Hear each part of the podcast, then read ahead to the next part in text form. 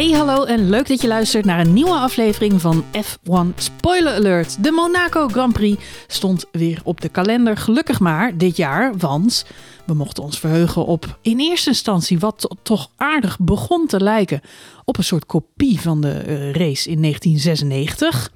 Althans, Johan, zo zag het er om twee uur heel eventjes uit. Ja, had je de, de vleugeltjes al opgeblazen voor het zwembad? Ja, Olivier Pannies die werd uit de mottenballen getrokken voor een interviewtje, hoe schrok- het was. Hij schrok er zelf ook van. Hij schrok er zelf ook van. Ja, Ja. het, het, het leek een hele onvoorspelbare Grand Prix eh, te worden. Uiteindelijk eh, was het in veel opzichten deels weer een, een voorspelbare eh, eh, Grand Prix. Dat had te maken met het feit dat we uiteindelijk toch allemaal wat later gestart zijn. En niet op het moment dat de druppels begonnen te vallen. Want dat was stipt om twee uur 's middags. Internet goes wild. Uiteindelijk gaan we pas een... eh, sorry, drie uur moet ik zeggen. Drie uur was de race vandaag. Zat je blond op, zat blond nog in in time? de, ik zit nog in het tijdsverschil. Nee, hoor. Ja, precies. Eh, ja, drie uur zouden we beginnen. Uiteindelijk beginnen we een uur en eh, drie minuten uit mijn hoofd eh, later. Ja. En dan ziet de weersituatie er al heel anders uit. Echter, het was niet alleen de regen die vandaag roet in het eten gooide. We hebben ook naar een, ja, wederom strategisch huzarenstukje, laten we de term er maar inhouden, naar de Grand Prix van Spanje. Zitten kijken vandaag. Ja, ja overigens, eh, eh, goed om dan gelijk duidelijk te hebben. Hè, die race begint niet later vanwege de regen. Want daar was natuurlijk veel ophef over aan het begin van de race. Hè, ja, het regende hard. Ja, er viel veel regen. En mensen die naar Spa zijn geweest vorig jaar... die zullen eventjes met de billen bij elkaar geknepen hebben gezeten. Nou, je kon het verschil niet meer zien tussen het echte zwembad en de racebaan, Johan. dus het zag er wel precies. behoorlijk Nou, nat het, uit. was, het, het was wel even heftig, maar eh, toen de auto's eenmaal aan het rijden waren, leek het ook wel weer een soort van mee te vallen. Toch reden de auto's weer naar binnen. Dat had een beetje alles te maken met het feit dat het niet zozeer de regen was die het probleem eh, eh, veroorzaakte, maar het feit dat er een elektrische storing was in eh, Monaco, waardoor het startsysteem malfunction het niet deed, dus niet reageerde. Dus ze konden niet starten, omdat de lampjes niet aan konden. Ja, blijft toch een beetje een derde wereldland. Ja. Albert vergeten de rekening te betalen, denk ik. Ja, de energiekosten gaan behoorlijk omhoog. zijn? Wat is zijn standpunt ten opzichte van Poetin? Hè? Ja, goeie vraag. Dat wil ik wel eens weten. wel Nou ja, de, weten. lampen, de lampen flikkeren vandaag. Dus ja. Politiek statement. Ja, ja. Windmolens. Kan, kan er ook nog wel bij misschien. Is daar geen plek voor? Die Vast wel. hotels daar? Ergens boven op een berg of zo. Nog Ja. een stukje haven droog leggen? Leuk. Moet kunnen. Moet kunnen, Moet waarom kunnen. niet? Een paar kunnen. erop. Ja. Je ziet ze niet zoveel daar.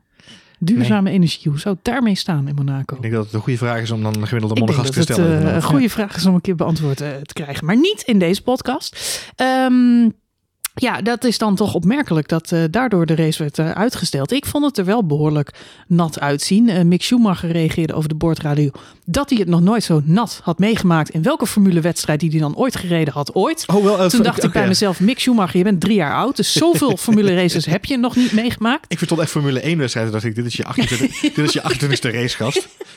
Je serieus je... Nou, goed. Maar hij zei elke Formule. Oké, nou, fair enough, fair enough. Ja.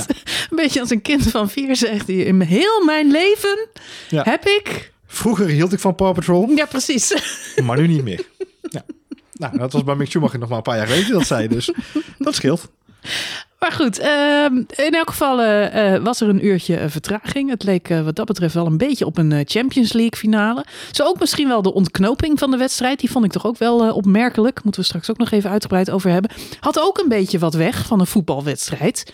En dan met name die laatste spannende zes minuten in de blessuretijd. Want we zaten aan het eind van de race ineens op de klok te kijken.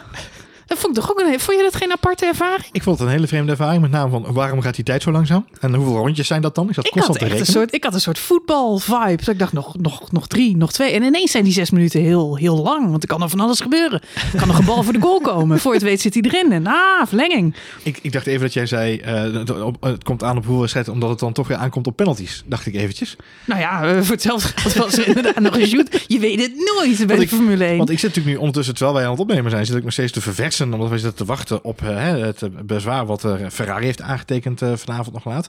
Dus het komt er ook weer een beetje aan op ja, penalties. was de ja. bal nou in of was de bal nou uit? Er is nog Ja. een VAR-momentje, zeg jij. Ja, doellijntechnologie wordt nu ingezet. Die wordt nu ja. ingezet. Goed. Ja. Nou, misschien dat het antwoord daarop deze podcast nog volgt. Ik blijf gewoon eh F5. Ik weet niet of eh, Max Verstappen, Christian Horner of eh Checo Perez of eh, alle andere mensen die bij Red Bull werken nog voor reden vatbaar zijn op dit tijdstip van de avond. Of Ik zou ze nog, niet vragen om nog even te komen uitleggen, denk ik, op dit moment Ik in denk de, de niet dat het zinvol is om daar nog in de groep te gooien. Dat er Kun je zelf eh, even analyseren wat er gebeurde? Ja, ik, ik kwam, eh, ik, kwam ja, ik zat er lekker in.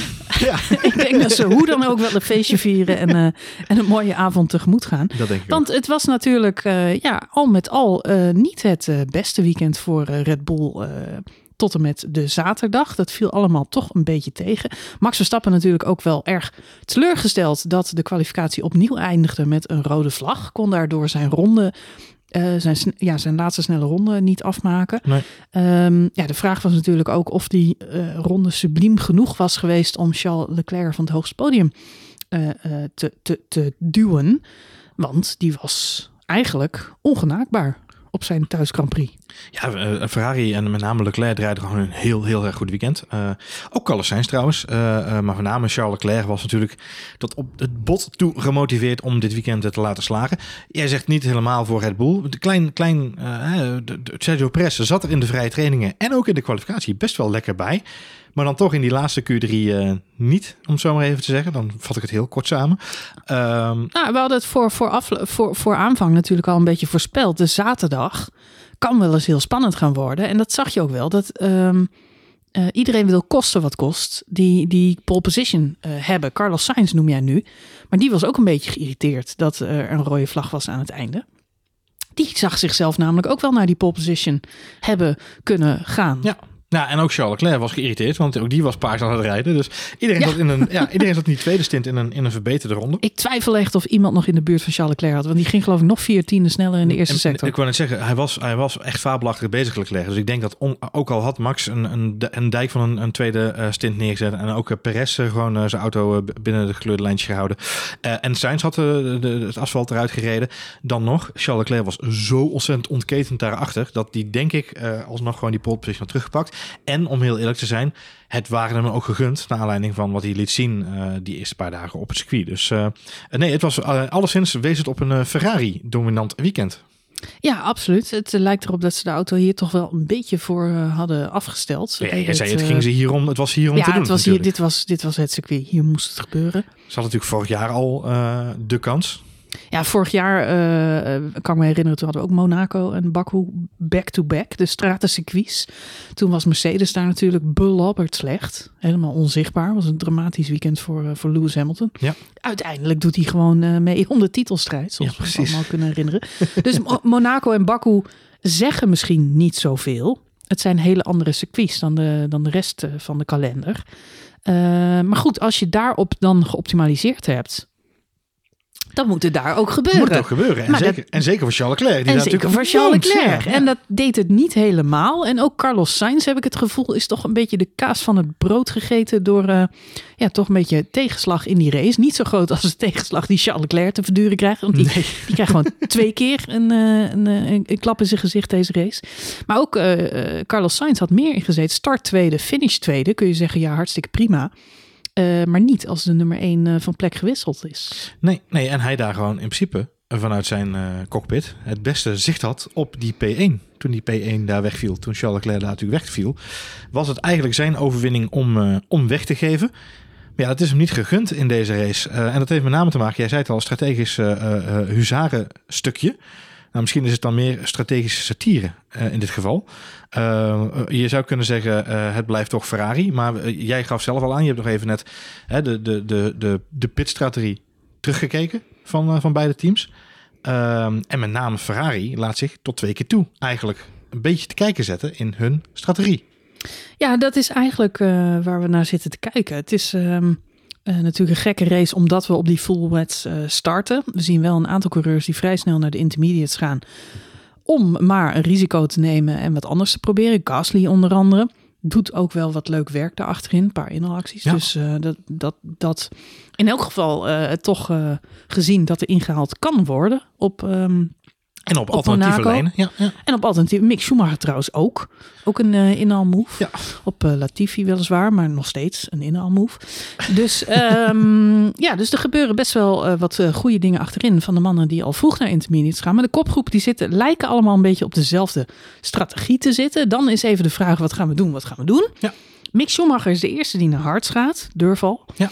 Dus die zit duidelijk op eh, ja, de Haas-strategie. De Haas-strategie is altijd gewoon eh, ja, de, de Hail Mary, zoals we dat in deze podcast noemen. Maar we proberen dus wat. Niks wat te verliezen, alles te winnen. Niks te verliezen, alles te winnen. Eh, overigens zaten zij tijdens de kwalificatie natuurlijk hartstikke lekker bij, de Haasen. Dus waarom zij dan toch weer terugvallen op een beetje die, ja, die risicostrategie in de race, vind ik dan toch wel weer opvallend. Want eigenlijk doen, doen ze tot nu toe best wel een goed seizoen, met name Magnussen natuurlijk. Ja.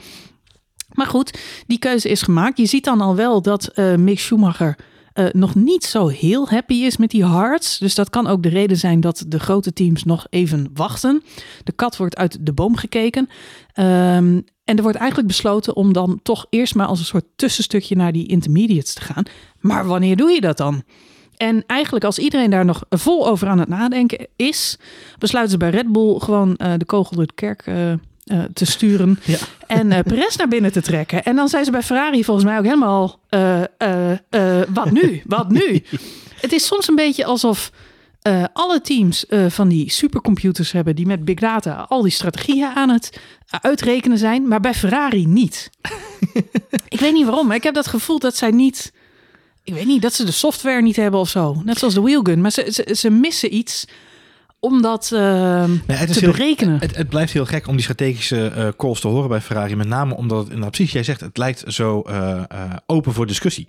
Ehm, en dat is, was natuurlijk bij Ferrari met, met Sepp Vettel al het, het klimaat, of de cultuur. Dat Sepp Vettel eigenlijk zelf zijn pitstopstrategie bedacht. En we horen vandaag eigenlijk hetzelfde met Carlos Sainz. Want volgens mij ergens ronde 17 of zo gaat Perez naar binnen op Inters. Op dat moment zijn al de eerste coureurs naar Inters gegaan, al in ronde 8, 9 zelfs. Hè. Dus ze rijden er al een paar rond een tijdje op die Inters. Max Verstappen geeft aan, laat mij lekker mijn wetjes rijden. Ehm, en Sainz die geeft dan aan, eh Perez kus naar binnen. En Sainz geeft aan, ik wil niet naar binnen. Ik wil door, ik wil in één keer door naar mijn slicks. Ik wil in één keer door naar hard of medium. Ehm, op dat moment krijgt hij in ronde 18, krijgt hij dus een ronde na Perez alsnog door. Ja, eh, box, box, box, box. Waarop Sainz zegt, no. I don't think it's the right call. Ik denk niet dat het de juiste call is. Oké, is wait het- a minute. Precies, dan is het twee seconden Wait a stil. minute. Dan wordt de Commodore 64 nog een keer opgestart. Stay out, stay out. En dan is het oké, stay out, stay out. het plan A, B, C, D, E, F. Moet je als. Sainz toch ook in die auto zitten en denken, what the fuck? Weet je, het is toch raar als ik dat zeg? Exact. Dus, dus Sainz die zit dan, oké, nou goed, dat heb ik dan in ieder geval voor elkaar.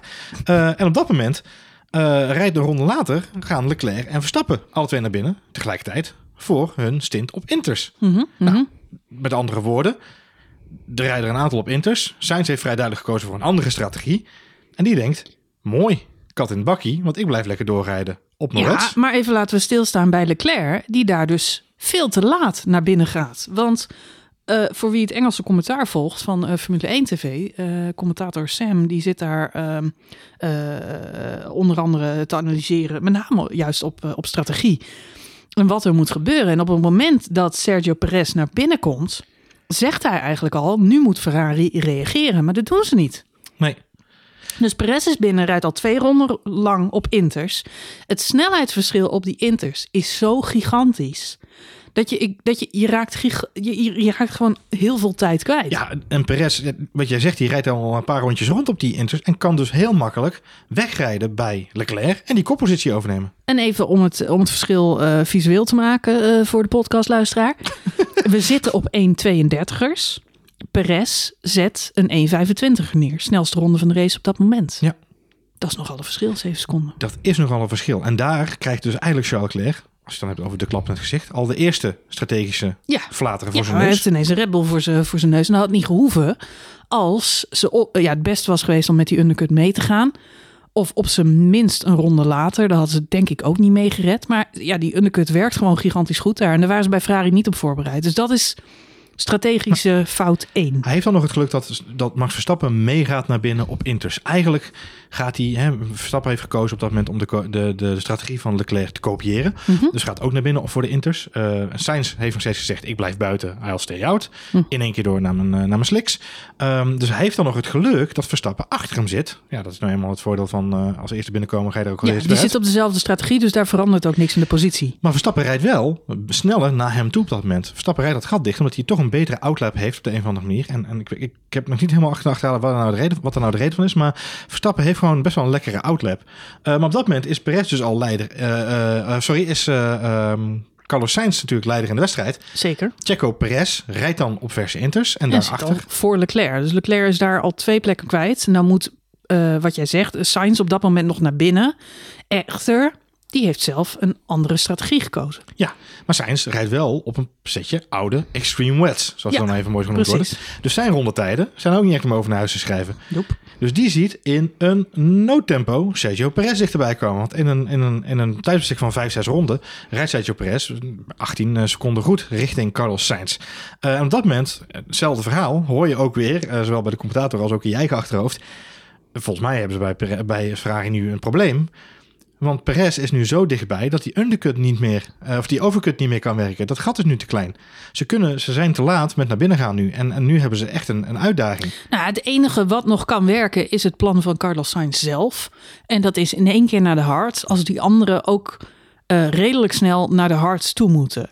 Dat is een gok, maar uiteindelijk wel een goede gok. Want de rest gaat uh, twee ronden later alsnog naar de hards. Die intermediates liggen maar super kort op die wagen. Dan is de vraag, waarom komt Carlos Sainz niet als leider weer terug op de baan? Ja, dat is, dat is een goed verhaal. Kijk, Carlos Sainz heeft op zich een hartstikke goede stop.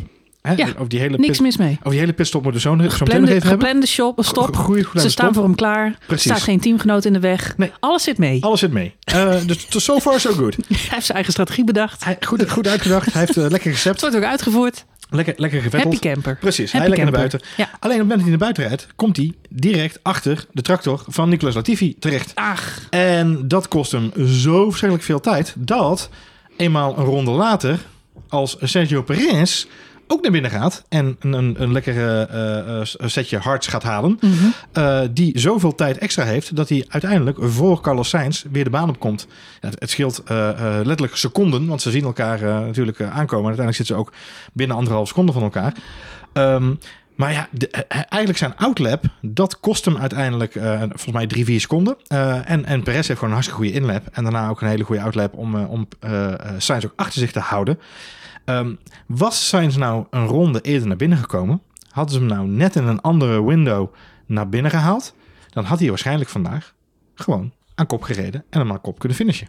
Ja, dat is het verhaal. En we zullen het nooit weten. Maar het is net wat jij zegt. Het is, net, het is een gokje geweest. Uh, die andere strategie. Wat natuurlijk ook een verschil maakt. Dat is dat uh, Perez al op die intermediate band zit. Net een 1.25er heeft, uh, heeft gereden. En gewoon, ja, die intermediate is natuurlijk ook geen butband. Daar kun je gewoon lekker op doorrijden. Dus je kunt wel zeggen, ja, hij rijdt een rondje langer op die intermediates. Maar het is wel gewoon een prima rondje. kan daarna zijn pitstop maken. Uh, Sainz wordt inderdaad opgehouden door Latifi. Dat kost hem uh, driekwart van een rondje ongeveer. Pas in de tunnel kan hij uiteindelijk uh, Latifi voorbij steken. Dat duurt gewoon veel te lang. Ja. Vreselijk frustrerend. Ik weet ook niet wat Latifi daar aan het doen is. Ik heb even de hele ronde teruggekeken. Inclusief, ja. ja. inclusief de boordradio. Hij krijgt geloof ik wel twaalf waarschuwingen van zijn team. Blue flag, blue flag, blue flag, blue flag. Dus het ligt absoluut niet aan, aan, aan zijn team. Uh, ja, het is gewoon opvallend. Maar het kost uh, Carlos Sainz uiteindelijk de overwinning. Het geeft aan, kijk, Monaco is natuurlijk een heel nauw circuit. Daar hebben we het al vaak over gehad. Weet iedereen ook al lang breed. Maar het geeft wel ook heel erg aan dat een coureur als Nicolas Latifi gewoon niet de headspace heeft om op de juiste plek, op het juiste moment ook het lef te hebben om aan de kant te gaan. Hij kiest een hele extreme veilige plek. Daar kan hij aan de kant. Uh, ja, je moet weten waar je aan de kant ja. kunt. Ja, ja je, je, moet weten waar je aan de kant kan. Hij, hij deed nog net in zijn knipperlicht aan, maar dat is een beetje het verhaal. Nee, precies. Nou ja, dramatisch. Maar dus ook, uh, ja, het is niet alleen Charles Leclerc die uh, toch een beetje de nadelen ondervindt van, van zijn, ja, zijn strategische adviseurs. Het is ook Carlos Sainz die daar ja, het kost Carlos Sainz vandaag denk ik de overwinning. Maar dat kost het uh, Charles Leclerc idem dito eigenlijk feitelijk. Op het moment dat Carlos, uh, sorry, Charles Leclerc het de overwinning kost. En dat werd al een beetje pijnlijk duidelijk na die eerste ronde pitstops. Dat het heel lastig zou gaan worden om, daar, om dat nog recht te breien. Uh, moet, je, moet je ook een beetje mazzel hebben. Ja, dan moet je volgens mij als Ferrari zijnde alle ballen op Carlos. En zorgen dat het allemaal goed loopt. Ja. ja. en dan moet de flater van, van Leclerc. Ik weet niet of je daar nog over wil hebben. Want dat is natuurlijk diezelfde cruciale ronde in deze wedstrijd. Ja, ik, ik, kan gewoon met mijn verstand niet bij. Jij zegt dat supercomputers en, en dat ze dat over nadenken. Ik kan mijn verstand niet bij. Hoe als team hoe je tot deze conclusies kunt komen en, en hoe deze eh, acties zich kunnen ontvouwen. Ja, het is natuurlijk niet alleen maar de, de computer en de strategische uh, scenario's die worden berekend en uitgerekend. Ik denk, en daar hebben we het in deze podcast ook al wel vaak over gehad. Um, uh, Red Bull die zit natuurlijk het liefst in die underdog-positie. En ga maar eens na, eigenlijk, alhoewel ze vorig jaar de wereldkampioen hebben geleverd, manoeuvreren ze zich elk seizoen weer in die positie. Dit jaar ook. Ferrari is het meest succesvolle team, was het bij de wintertests, stond uh, na de eerste paar races bovenaan in het kampioenschap, had de snelste auto. Hier op Monaco zie je het ook weer. Uh, zo gauw je niet op pole position start, uh, kun je uh, ja, meer risico nemen in de strategie. En dat is wat zij doen. En dat is ook waar zij goed in zijn. Het is alsof ze gewoon floreren in die nummer twee positie. We hebben het afgelopen jaren natuurlijk wel vaker gezien. Uh, zo gauw Red Bull het kampioenschap leidt, um, pole positions pakt, moet presteren vanaf de eerste rij, staan ze onder druk. En kun je ook, hè, vorig jaar, vorig seizoen nog veel gezien bij Mercedes, je moet verdedigen. En Red Bull is veel beter in aanvallen. En achteraf kun je zeggen, um, Sergio Perez, de beste strategie van de race. Foutloos gereden als coureur. Hooguit die lock-up in de laatste fase van de, uh, van de wedstrijd. Maar verder, foutloos weekend, foutloos gereden deze race. Maar ook foutloos van het team. Door hem die undercut te geven. Uh, twee ronden voor uh, die andere twee mannen. Ja. Carlos Sainz is eigenwijs wil niet naar binnen. Maar als Carlos Sainz op de intermediate had gestaan, ook, had hij niet, uh, was dat gat niet dichtgereden door nee. Perez. Uh, had hij ook verder kunnen uitlopen. Was hij niet in het verkeer gekomen met Latifi, had hij makkelijk die race kunnen winnen. Als Carlos Sainz dezelfde pitstopstrategie had gehad als Perez. Alleen dat durven ze niet bij Ferrari. Ze kiezen daar niet voor. Uh, nou goed, en dan ja, Charles ja, of, Leclerc. Of ze kiezen toch te veel voor het luisteren naar de coureur. En, het, en het, ze staan te veel open voor suggestie. Dat kan toch ja, ze, ja ik, ze twijfelen. Het is alsof... We hebben in het begin van het seizoen hebben we er nog grapjes over gemaakt. Van het blijft toch Ferrari. Het zag er zo oppermachtig uit. En dan, dan, ja, dan valt gewoon niet uh, te verwachten dat het nog misgaat. Maar Monaco moet nog kopen. En dat wordt de vuurdoop. Om te zien of Ferrari geleerd heeft en hoe ver ze vooruit zijn gegaan. En ik denk dat onder Binotto er echt hele grote stappen zijn gemaakt. Mm -hmm. Ik denk dat ze dit jaar de beste auto hebben. Uh, ik denk dat ze twee hele goede coureurs hebben. Dat hebben we vandaag wel weer gezien. Het zijn echt twee hele snelle gasten. Alleen, ja, strategisch hebben ze, uh, ja, scoren ze nog geen uh, 9,5. Laat staan een 10. Nee, het, het, het oude, het oude HBTF komt toch weer van stal vandaag. Ja, en, en dat, dat, ja, is ja, toch doodzonde inderdaad. Dat blijft een beetje aan dat team kleven. En ja, de enige manier om daarmee om te gaan, dat, ja, dat is toch andere mensen, denk ik, uh, uh, recruiten. En, en, en dat uh, beter opzetten. Ja, ik, ik kan ook. Ik, ik heb nu al meerdere keren teruggekeken en ook nagedacht van hoe wat was überhaupt ooit het idee geweest om Leclerc te laten dubbelstekken met Sainz? Ja, wat, wat gebeurt daar? Er wordt gewoon, uh, Leclerc wordt naar binnen gehaald uh, en krijgt tien seconden later te horen stay out, stay out. Ja. Hoe, hoe, hoe kan dat? Ja, ja die, de boordradio, jij zat uh, de, de onboarding heeft terug te kijken uh, voor de opnames. Het viel mij wel op dat daar de radio ook wat vertraagd is, want hij krijgt hem inderdaad wat, wat snel natuurlijk. Hè, dat steeds, maar hij is al wel ingedraaid, als je dat dan terugzoekt in, in de wedstrijd inderdaad. En wat mij gewoon opvalt is je, kunt je, je ziet toch waar je coureur is. Je, weet, je hebt toch besef van waar je bent in de wedstrijd en wat je doet. En, en, en nogmaals, nou, je, je al... roept die anderen naar binnen. Dus dan kun je toch uitrekenen hoeveel tijd daartussen moet zitten om ook Leclerc naar binnen te halen. En een dubbelstop in Monaco is nooit een goed idee. Tenzij er een safety car of een hele idiote situatie nou ja, is. Maar... Of, of er moet genoeg ruimte tussen zitten. En dat zie je bij Red Bull de ronde later. Want die voeren hem tot perfectie uit. En dan is er natuurlijk niet zoveel over, geen man overboord. Want dan heb je wel gewoon het voordeel van... Ja, maar uh, dat is een kwestie van, van op de klok kijken of op het scherm kijken. Exact. Hoeveel ruimte? Nee, maar dan nog, Die ruimte was er helemaal niet. Al zouden ze hem wel perfect hebben uitgevoerd. Dan nog snap ik nog steeds niet strategisch gezien... waarom ze de dubbelstek daar hebben uitgevoerd op dat moment. Want ze hadden Leclerc makkelijk nog een paar rondjes langer door kunnen laten rijden... om meer ruimte te creëren tussen Verstappen en uh, Leclerc. Dus ja, nogmaals, het, ik kan er nog steeds mijn verstand niet helemaal bij. Uh, maar goed, dat, ja, misschien dat, uh, dat uh, de, de, de analytici de komende dagen er nog eens een, een over zullen leggen en naar zullen kijken.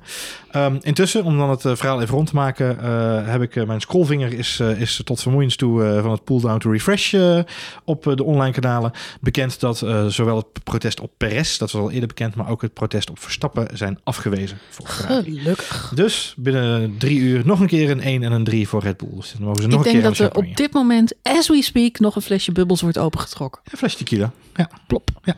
Flesje tequila. Wat overigens wel leuk was, uh, Marjolein, want dan hebben we over flesje tequila gesproken. Uh, Gin tonic, toch? Uh, ja, dat zou ik nog maar kunnen naast. Ja, wodka Red Bull, Marjolein. Het is duidelijk zondagavond. Uh, wat ook wel grappig was... Uh, wat zijn wij... de zwembadfoto's al binnen? Ja, de, de, nou ja, er, er, is een, er zijn wat mensen van Sky het water ingegaan al. En volgens mij worden nu de zwembadfoto's as we speak wel gemaakt. En belangrijker nog, liggen de badheentjes er nog in? Nee, die zijn eruit. Die zijn allemaal weggehaald door Sergio Perez. Die neemt hij allemaal mee naar huis. voor zijn vrouw en kinderen.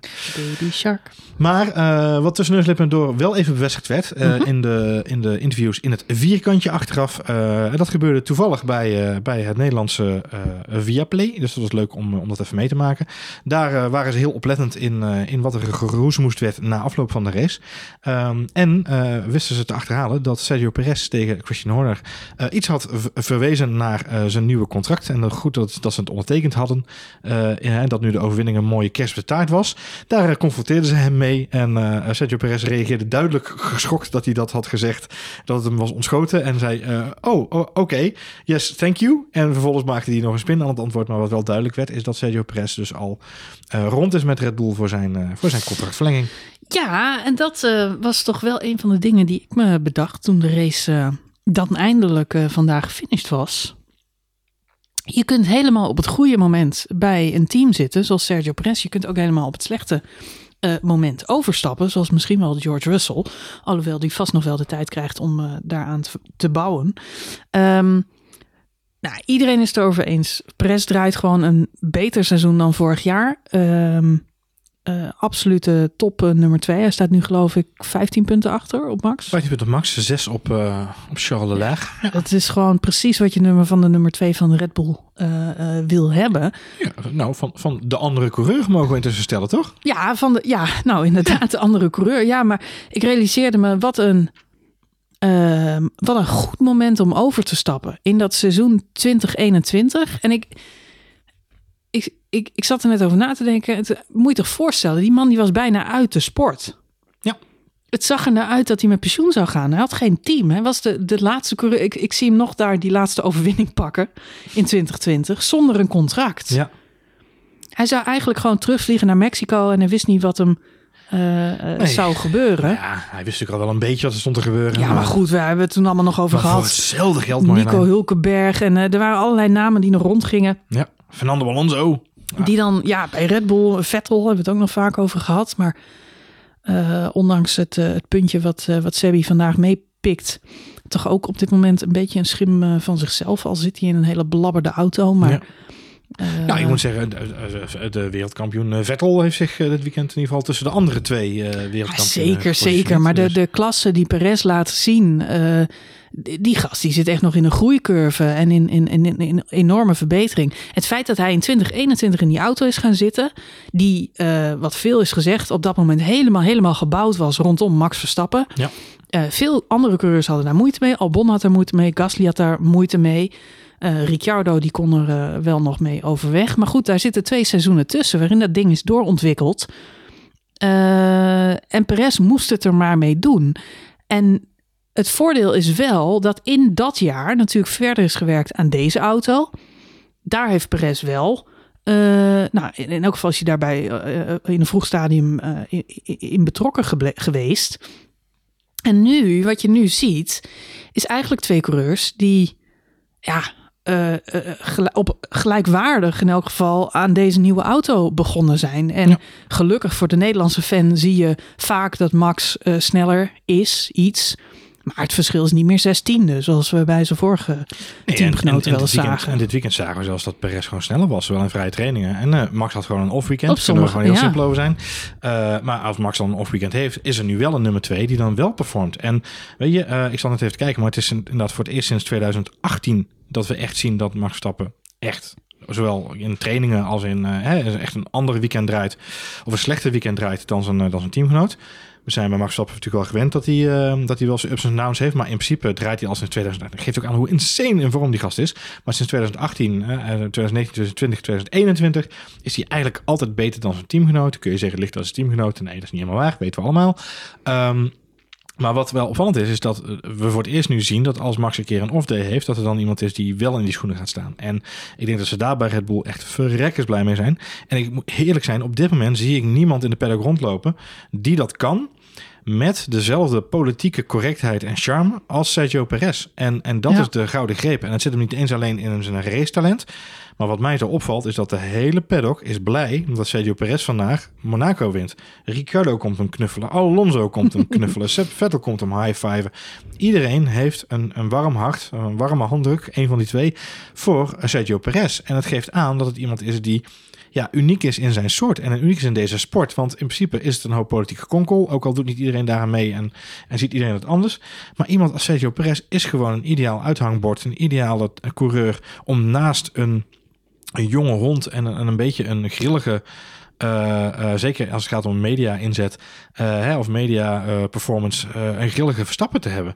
En dus ik denk dat ze daar echt een, een gouden aan hebben. En het feit dat hij vandaag dan ook laat zien, ook in Barcelona vorige week al. Ik kan er gewoon staan als het nodig is. Ik, ik doe gewoon mee om het kampioenschap en dat laat hij vandaag zien. Zes punten op Leclerc, 15 op Verstappen. Eén keer een derde plek voor Max en of een, een, een, een, vierde plek voor Max en hij een, een overwinning. Dan staat hij er gewoon naast. Ja. ja, en met grillig bedoel jij rukzichtloos zoals een wereldkampioen betaamt. Nee, ja, uh, nee kijk, uh, Max is, is, is uh, goud voor Red Bull, omdat hij voor Red Bull heel veel doet. En, en alles wat hij met Red Bull doet, doet hij met veel plezier. Dat zie je ook terug in alle social media filmpjes en alles wat hij doet met de events en de commercials voor zijn eigen partners. Uh, dat, dat zie je allemaal terug, doet hij met, met plezier en hij snapt hoe dat wereldje werkt. Maar hij heeft, hij heeft ook een, een houding dat een, sommige dingen doet hij gewoon niet aan mee. Het, het mediacircus aan zich om de sport heen. Hij heeft een inner chemie. Hij heeft een, ja, hij heeft een inner chemie die af en toe een beetje outwards uh, positioneert. Um, en dat heeft Sergio Perez in die zin een stukje minder. Um, dat het wel iemand is die ja, iets meer uh, is misschien. En iets minder uh, afgekaderd, om het dan zo maar even te zeggen. Die doet wel meer mee aan het spel, het mediaspel, het PR-spel. En ik denk dat voor beide aspecten valt iets te zeggen. En ik denk dat het fantastisch is dat je dat in je team in balans hebt. Um, ik denk dat ze dat bij Mercedes jarenlang ook gehad hebben. Met Lewis Hamilton en, en, en Rosberg. Of eigenlijk later Bottas, moet ik eerlijk zeggen. Nou, vooral met Bottas. Met, met Bottas inderdaad. Ja. Hadden ze dat gewoon heel goed uh, in balans. En dat ze dat bij Red Bull nu gewoon goed op orde hebben. Dus vandaar dat het helemaal terecht is dat de HR-dame mee het podium op mocht in Barcelona. Want het is goed geregeld. Heeft ze goed geregeld, inderdaad. Ja, in hindsight zou dat inderdaad wel eens uh, het moment van handtekening kunnen zijn geweest. In elk geval lijkt mij wel dat dit de kansen van de terugkeer, de kansen op de terugkeer van Pierre Gasly uh, behoorlijk heeft diminished. Ja, die had al geen. Uh, hij had op zich een goed weekend. Laat een paar goede uh, moves zien. Um, rijdt uiteindelijk niet in de punten. Die zal toch zwaar teleurgesteld zijn. Dit ziet er ook naar uit dat hij niet meer bij uh, Red Bull gaat terugkeren. Nou ja, kijk, een, een, een wisselvallig weekend voor hem, zoals zo vaak. En uh, zijn kwalificatie gaat gewoon uit in Q1. Hè? Dus dat is gewoon voor het eerste dit seizoen dat hij, dat, dat hij eens Q1 doorkomt.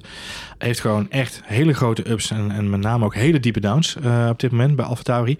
Ligt ook aan het voertuig. Zit ook wel echt in een slechte auto dit jaar hoor. Ja, maar aan de andere kant, Yuki Tsunoda kan er ook gewoon dingen mee. Nou, die staat deze race ook drie keer tegen de vangrail. Uh, ja, maar die rijdt wel gewoon uh, op dit moment uh, rijdt hij meer punten bij elkaar dan Pierre Gasly. Dus hè, het feit dat de punten die bij elkaar gereden worden door Yuki Tsunoda bij elkaar gereden worden, dat geeft wel wat aan. En niet door de meer ervaren en, en vooral meer. Ja, Gasly ook motorpech en autoproblemen. En ik vind dat je niet helemaal Gasly alleen mag aanrekenen. Nee, nee maar, maar, maar, ik vind het ook te makkelijk om te zeggen hij rijdt een hondenhok. want dat, ja, ja, dat is waar. Maar laten we vooropstellen dat ik denk dat Valtteri Bottas ook niet in de beste auto van het veld rijdt. Nee, dat is zeker waar. Ik heb, ik heb opgeschreven voor mezelf dat uh, uh, Gasly vind ik toch ook wel echt een betere auto verdient dan dit. Uh, ik denk dat zijn kansen om terug te keren bij Red Bull na dit weekend echt verkeken zijn. Uh, Perez zit er echt gewoon precies op het perfecte moment. En ik denk dat jij de spijker op zijn kop slaat. Niet alleen is hij als coureur beter geworden.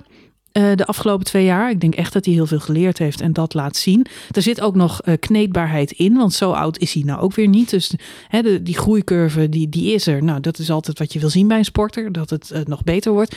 Maar wat jij zegt speelt inderdaad ook heel erg mee. Hij is gewoon ook een rustige en charmante persoonlijkheid. Die volgens mij binnen het team heel goed ligt. Niet alleen alle coureurs en alle andere mensen in de pitstraat. Maar met name ook de mannen bij Red Bull zag ik zo verschrikkelijk uitbundig. je ziet hem zelf ook. Hij maakt dat grapje over... Ehm, ik heb die jongen champagne beloofd. En, uh, en dan staat hij op het podium en dan drinkt hij drie slokjes van die, van die champagne. En dan zegt hij: Deze is voor jullie, die kom ik zo brengen. Uh, volgens mij is hij echt die man. Weet je, we hebben allemaal toen het afscheid bij Aston Martin gezien. En met tranen in zijn ogen. En uh, dat hij die familie moest verlaten. En nu zit hij bij de Red Bull. En volgens mij creëert hij dat gewoon om zich heen. Volgens mij is hij gewoon een sympathieke gast. Nou, volgens mij heeft die graag als... vrienden maakt en zich nou, volgens mij als geen familie. ander door dat het gaat om geven en nemen. En ik denk dat Max dat ook heeft hoor. Laten we dat vooropstellen. Want we Charles Leclerc ook trouwens. Want die zie ik ook bij iedereen uh, schouderklopjes. En, nee, maar uh, ik denk dat de meeste topcoureurs wel doorhebben dat ze zich niet meer kunnen afzonderen van hun team. En dat ze het zonder die gasten ook niet doen. Hè. Ik bedoel, uh, zij stappen op zondagavond in het vliegtuig of in de auto of in de trein. En, en verlaten het circuit terwijl de rest van het team door blijft gaan. En pas s'nachts om vier uur een keer in de auto stapt. En dan weer door naar het volgende circuit. Zij weten natuurlijk heel erg goed als zij die auto in de puin rijden. Wie is dat dan voor ze weer in elkaar moet schroeven. Uh, en met name uh, uh, Max en, en ook Charles Leclerc, die natuurlijk al lang onderdeel zijn van een team. En dus ook hun jeugdigheid hebben moeten doorbrengen met deze mensen. Ook een jeugdige fouten hebben mogen maken daar. Ja, daar zit een loyaliteit in. Checo heeft dat ook. Dat doet dat inderdaad bij Aston Martin, deed hij dat. of niet Aston Martin, bij Force India toen nog, hè, inderdaad. Racing Point deed hij dat gewoon hartstikke goed. Uh, en ik denk dat hij dat nu weer gedaan heeft. Hij creëert een familie om zich heen en dat doet hij goed. Um, Pierre Gasly, ik denk onderaan de streep Um, super getalenteerd en, en uh, ook absoluut wel toe aan een stap omhoog. Verdient een betere auto, wat jij terecht zegt. Alleen ik vraag mij af of hij dat nog gaat voor elkaar gaat krijgen bij de Red Bull-familie. Of dat hij een, een Ricciardo'tje moet gaan poelen en, uh, en zich moet gaan lossnijden van, van hetgene waar hij nu in zit. Ja, ik de, vrees dat het dat laatste wordt. Christian Horner gaat mee naar het podium in Monaco. Zien we allemaal. Dat is natuurlijk ook wel een veelzeggend statement. Al weten we van Christine Horner dat hij er natuurlijk graag bij is op het moment uh, dat uh, koninklijke families zeggen, op het podium staan. Het is voor hem natuurlijk ja. ook het Monaco podium. Nee, maar ik vond het veelzeggend dat hij er wel zelf ook heen gaat. Het was ook een beetje een hart onder de riem voor Perez. Uh, en het geeft een beetje extra gewicht aan zo'n podium, hè, voor zover het nog nodig is in Monaco. Want het is natuurlijk een van de mooiste races om te winnen. Sergio Perez ook zichtbaar geëmotioneerd uh, daarover. Maar ik vond het toch een, uh, een teken aan de wand dat, uh, dat Horner daar uh, meegaat. Ja. Ik denk echt dat zijn positie daarmee beklonken is voor de komende, voor de komende jaren. En, en, laten we niet vergeten, hartstikke goede zaken voor de constructeurs. 25 punten erbij, in elk geval van Perez. Ja. Uh, snelste ronde gaat naar um, Lennon Norris. Lennon Norris. Dus uh, daar verliezen we een puntje. We. We ze. Ja. We ze als je voor team Red Bull bent. um, Max Verstappen, ja, uh, niet zijn allerbeste weekend. Had nee. misschien meer ingezeten. Maximaliseert wel ehm, zijn punten. Ja. Denk dat hij super tevreden is. Als je, denk, als je tegen hem zegt dat hij 15 punten zou binnenhalen en hij zou voor Charles Leclerc eindigen, dat laat hij ervoor getekend. Ja. Ik denk dat dat, dat dat het belangrijkste is. Het feit dat hij voor Charles Leclerc finish, drie punten op hem uitloopt. Ja, het zijn maar drie puntjes, maar ja, het zijn de. Weet je, hij kan ermee leven dat hij derde wordt als er twee mannen voor hem staan. Uh, die niet zo erg zijn. Nee, maar ik heb vorige week al in de podcast uh, uh, gezegd, en, en dat geldt in die zin is dat helemaal is dat uitgekomen. Uh, een soort van is dat wel zo. Um, kijk, kijk, de ideale situatie voor Red Bull nu is, is het feit dat niet alleen is Max Verstappen sinds vorige week de leider in het wereldkampioenschap is sinds Barcelona. Maar nu komt daar ook nog eens Perez overheen. Die gaat ook nog eens druk opvoeren op Leclerc. Dus Leclerc had voorheen, was hij aan het stuifje wisselen met Max Verstappen. Nou, dat was dan even spannend. Maar nu weet hij, als ik één keer een fout maak en ik eindig een plekje of drie, vier te ver naar achteren, of twee zelfs, dan ben ik ook mijn tweede plek in het kampioenschap kwijt. En dat is een hele andere druk om mee om te moeten gaan.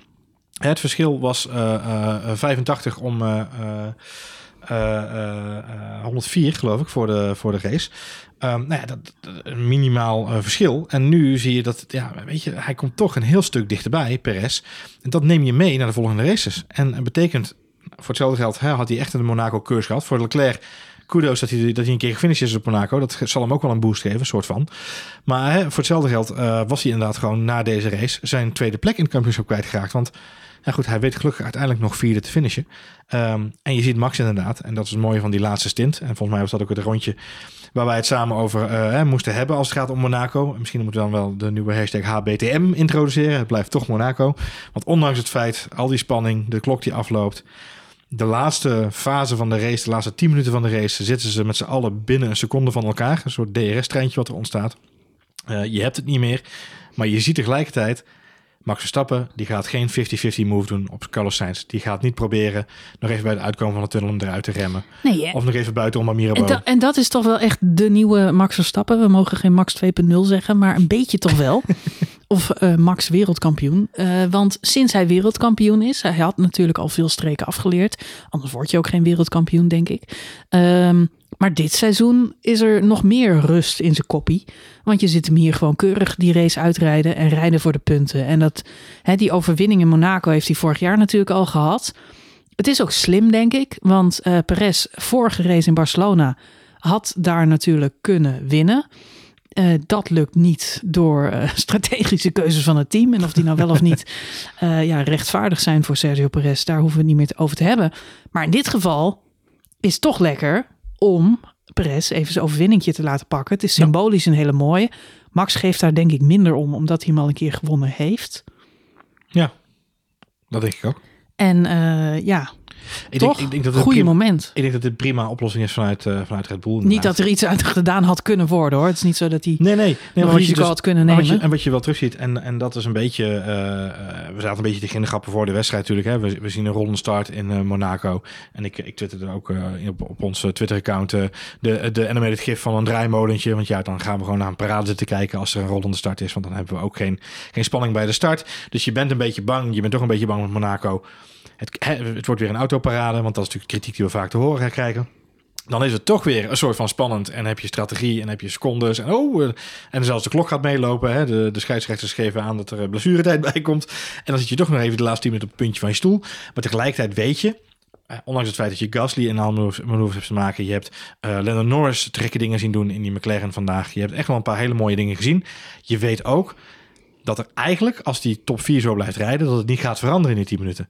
Maar op de een of andere manier, en dat is dan toch, ja, daarom zeg ik het blijft toch Monaco.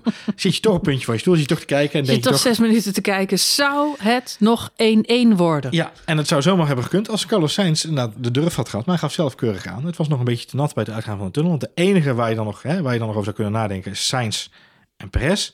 Maar ook die zeiden tegen elkaar, want ook Leclerc had op een gegeven van, nou weet je, ik laat hem lekker varen. Ik blijf wel in zijn achteruit kijken, in zijn achterspiegel. Maar ik ga niet risico nemen nu, want ik moet nu finishen. Dat is het belangrijkste. De woede was kennelijk uit zijn bolletje. Max Verstappen had de rust in zijn lijf.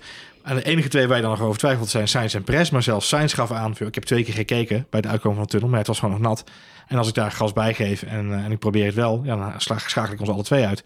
En dan winnen we er helemaal niks mee.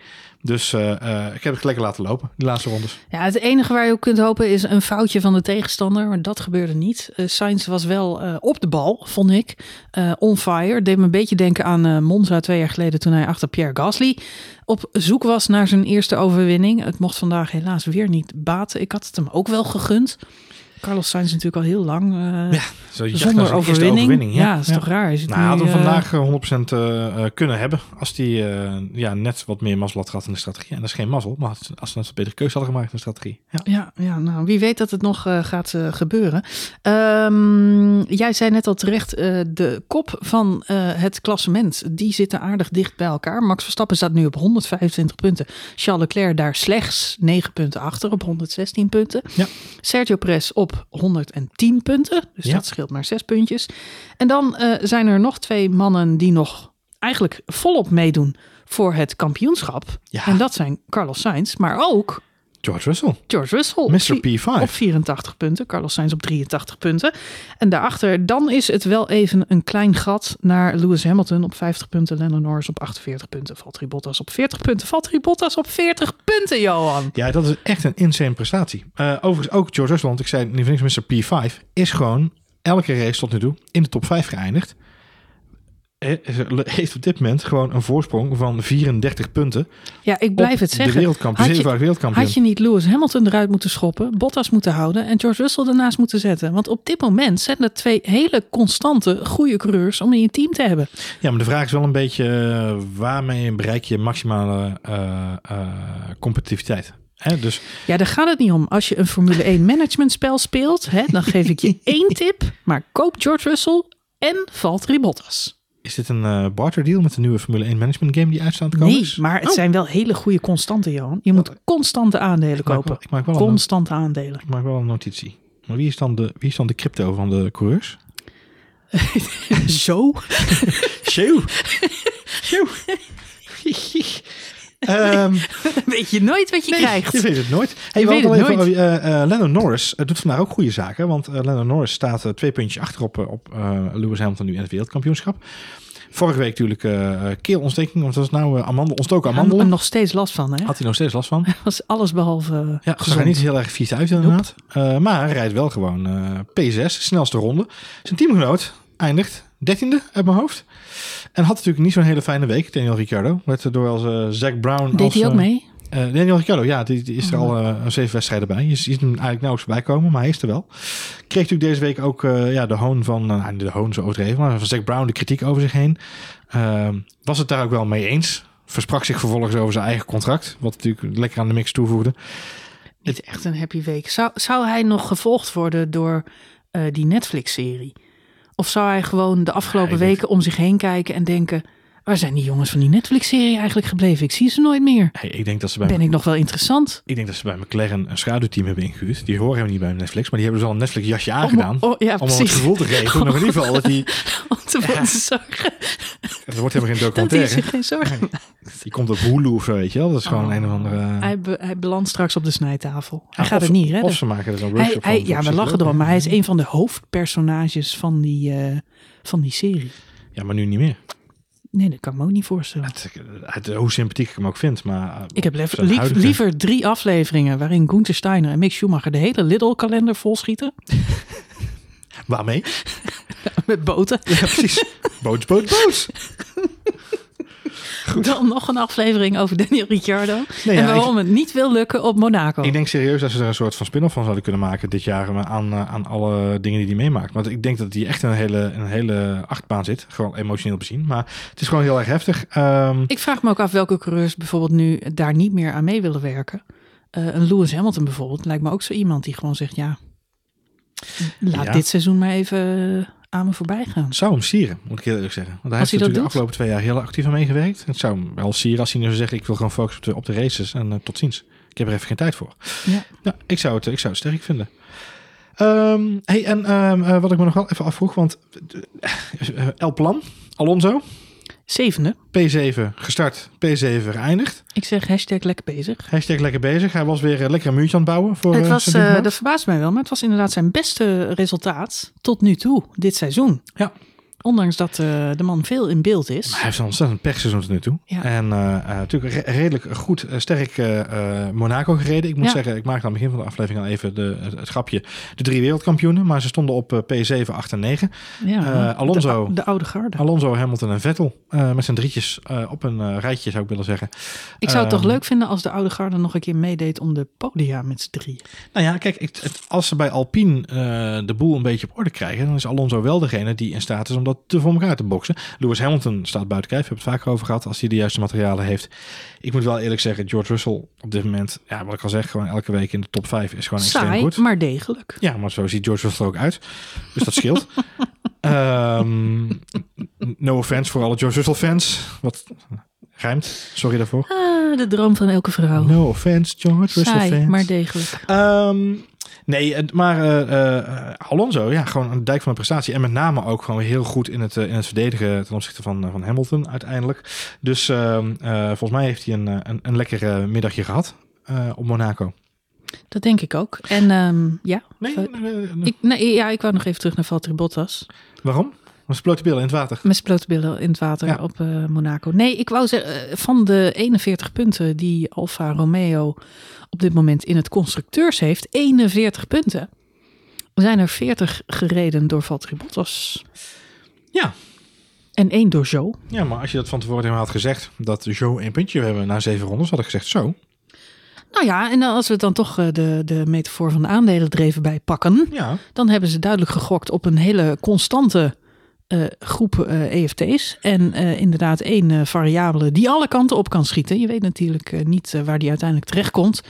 Rookies moeten leren. Dat zien we vandaag ook aan Mick Schumacher. Alhoewel dat er toch ook wel een beetje de schijn van had dat er iets afbrak of misging aan zijn auto. Is daar al meer duidelijkheid over? nee, volgens mij het laatste wat ik, wat ik begreep was dat hij wel echt een, een, een, een stuurfoutje maakte. Dus vandaar ook zijn frustratie, denk ik. Nou, goed. Vooral ook de frustratie op het gezicht van Kevin Magnussen, moet ik Ik eerlijk doe het zeggen. hem nog steeds niet na. Ehm, nou, die crash misschien wel. Maar eh, rondrijden in de Formule 1 auto op Monaco zeker niet. Hoeveel dus, eh, crashes hebben we nu dit jaar al meegemaakt? Waarbij met Mick Schumacher? dat, dat je echt denkt, holy crap, Mick Schumacher. Wat, blij, Ja. wat zijn we blij dat hij er heel en, uitkomt. volgende, en over twee weken moet ik zeggen, dan gaan we naar Baku. Dus, Ja, done, dat Baku. Ja. toch wel eh, Ja, maar echt. ik- spannend. Ja, maar goed, met Tsunoda staat ook nog steeds eh, vaak eh, tegen de vangrail. Jawel, maar Mick Schumacher ze- maakt dan ook geen zachte klapjes, zeg maar. Kijk, dat, dat, Nee, dat Tsunoda een keer een tikje tegen de vangrail aangooit, Hij dus de vleugeltje ja. kwijtraakt. Maar hij, Hij houdt wel van spektakel. zaagt die auto gewoon weer door midden vandaag. Ja, ja, je Holy ziet eh. Kevin Magnussen ook kijken, daar gaat mijn vakantie. Ik moet dat ding straks weer in elkaar, in elkaar zetten. Dat hoeft hij helemaal niet, maar zo keek hij wel. Het zou grappig zijn als Kevin Magnussen dan zijn vakantie... Sorry, Kevin. Je zag hem echt zo kijken, weet je wat dat kost? Ja, je wil naar-. Sorry, jij wilde, Mick. jij wilde naar de Malediven, maar dat gaat niet door. De Malediven die, eh, ja, die hebben de boel elkaar gestolen, dus die zijn in de bak. En jij gaat gewoon, eh, hier is een schroevendraaier en een, eh, en een kruiskoppie. En een, Weten we waarom Magnussen is uitgevallen? Ja, Want een dat ik waterlekkage, een waterstofprobleem. Van wa wa wa- Waterlekkage, daar had hydro- volgens mij hydraulisch. alle, alle, alle, alle twintig last van. van. Goed. Ehm, ja, ja, we hebben volgens mij alle coureurs wel de revue laten Ja, passeren. volgens mij hebben we de helft gemist, maar dat is op zich niet erg. Dus er is heel veel gebeurd vandaag, maar niet alles was even interessant. En sommige dingen waren wel super interessant. Maar onderaan de streep, HBTM. HBTF. Was de eh, penalty voor... HBTF en HBTM. Ja. Ja, eh, was de penalty voor Ocon eh, terecht? ja, daar heb ik de beelden nog even nog drie keer Ja. terug zitten kijken. Het was voor Hamilton een hele frustrerende race. Hij zat volgens mij twee keer vast achter een Renault. Eerst achter Ocon En vervolgens achter... en vervolgens achter Alonso, die zo tergend langzaam reed. Maar ja, daar valt gewoon helemaal niks aan te doen. En nee, na afloop wilde, werd... eh, die wilde Ocon dus opvangen. Mhm. om te zorgen dat Ocon eh, kon wegrijden bij Bottas. En vijf seconden kon pakken. Alleen, dat lukte hem dus niet. Want eh, Ocon had dus die vijf seconden penalty al. Dus eh, Alonso zat ook een beetje te, te, op te vangen. Zodat Ocon kon aansluiten. Ze konden dus lekker samen aanvallen. Alleen Ocon die, kon vervolgens niet bij Bottas wegrijden. Dus die viel uiteindelijk alsnog buiten de punten. Met zijn vijf seconden penalty. Oh, ik had begrepen dat Alonso gewoon hele oude banden had. Dat kan ook. Geen snelheid meer in zat. 1937 waren die banden. Ja. Toen Alonso na afloop nog werd gevraagd. Vond je het niet uh, oneerlijk om Hamilton zo op te houden? zei hij, dat is niet mijn probleem. Nou, goed samengevat. En toen dacht ik, Alonso die zal twee jaar geleden, of drie jaar geleden is het geloof ik alweer, ook naar die Grand Prix hebben gekeken.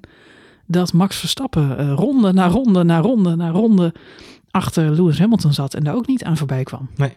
Niet mijn probleem. Niet mijn probleem. En daar heeft hij ook gelijk in. Ja, goed samengevat ook. En zo uh, HBTM, het blijft toch Monaco. Het blijft toch Monaco. Overigens het risico natuurlijk dat het van de kalender verdwijnt. Hoe groot acht jij die kans?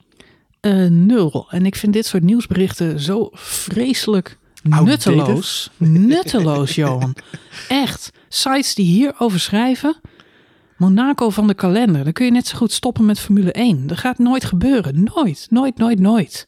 Dan is er wel weer iemand die zegt: nee hoor, het blijft toch op de kalender. Hoe. Uh, um, zijn bouwde uitspraken, maar hè? Bouwde uitspraken. Uh. In deze nieuwe tijd van Formule 1, waarin we een focus zien naar Amerika. We zien veel nieuwe races erbij komen. En uh, de portemonnee moet getrokken worden. Denk jij dat. Uh, denk jij dat uh, hoe, hoe groot. Ach, jij zegt echt nul? Echt gewoon 0-0? 0.0? Gewoon Heineken 0.0? Nou, Geen ze moeten wel dat elektriciteitsprobleem en die, die shizzle die ze dan met Poetin aan de hand hebben, dat moeten ze wel fixen. Want anders dan. Het schijnt gewoon te komen dat iemand gewoon crypto's aan het was in. Ja. Nou, dat moeten ze wel fixen. Nee, ja, het is het. Uh, uh, ik, ik ben het met je eens. Hè. Dus vooropgesteld, ik denk altijd uh, elk jaar hetzelfde. Oh, Barcelona verdwijnt en oh. Maar aan de andere kant, we zijn zoveel iconische circuits kwijtgeraakt de afgelopen jaren. Duitsland, Barcelona heeft een, een, tijdje op de tocht gestaan. Nu. Ja, maar dat is anders dan Monaco. Ja, dat zegt iedereen.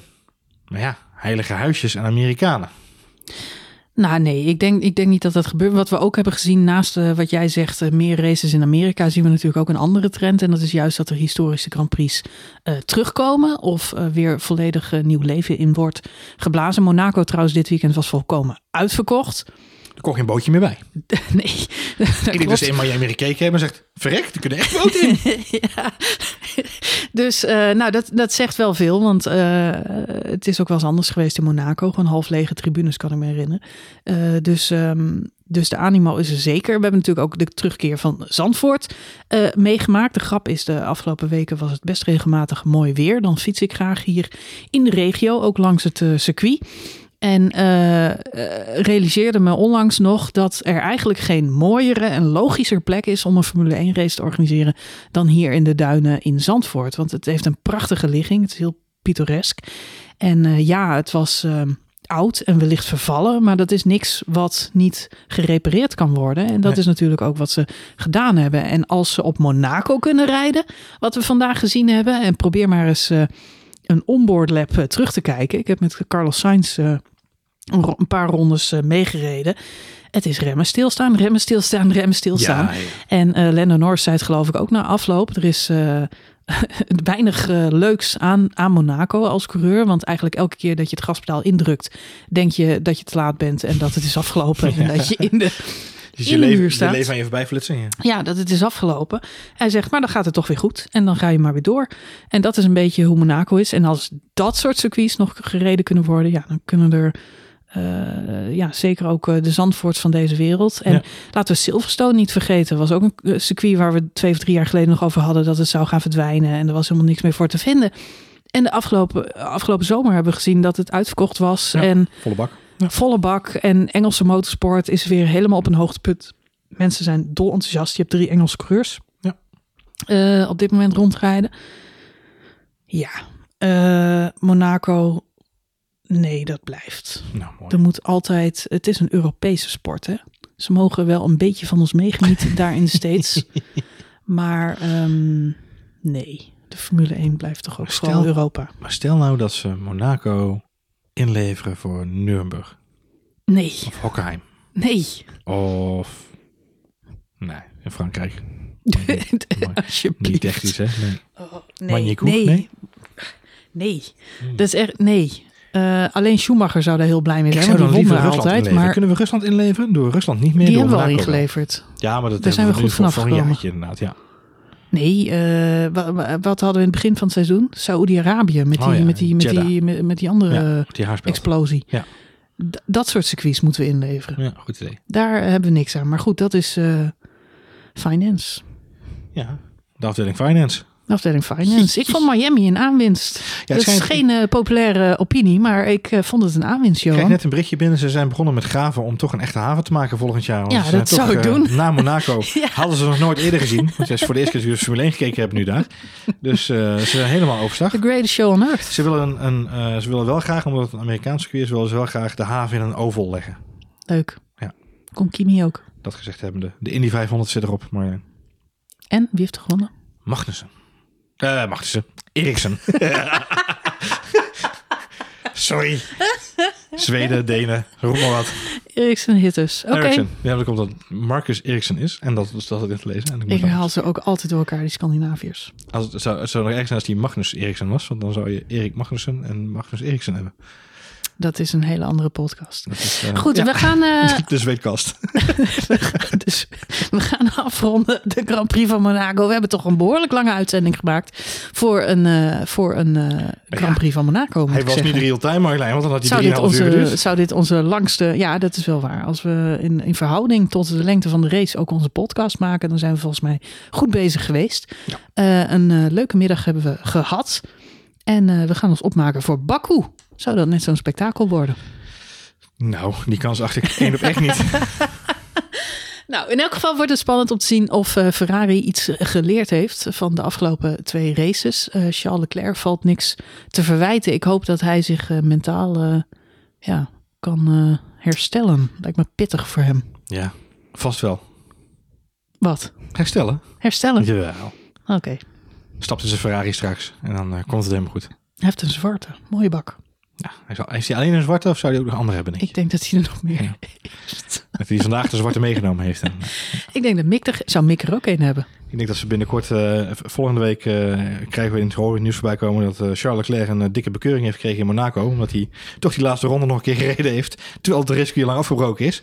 Is hij alle flitspalen erbij gereden. En uit pure frustratie nog even de snelste ronde neerzetten. Ja. Ja, het zou me niks verbazen. Goed, heel erg bedankt voor het luisteren naar deze aflevering van Spoiler Alert. Reageren kan zoals altijd via Twitter of via ehm, De Telegram app. de Telegram app, zo heet dat ding. Zo heet dat En, ding. en Facebook hè, schijnen we ook te hebben. Facebook, Twitter, eh, LinkedIn. Als je nog een baan zoekt in de Formule 1, moet je niet bij ons zijn.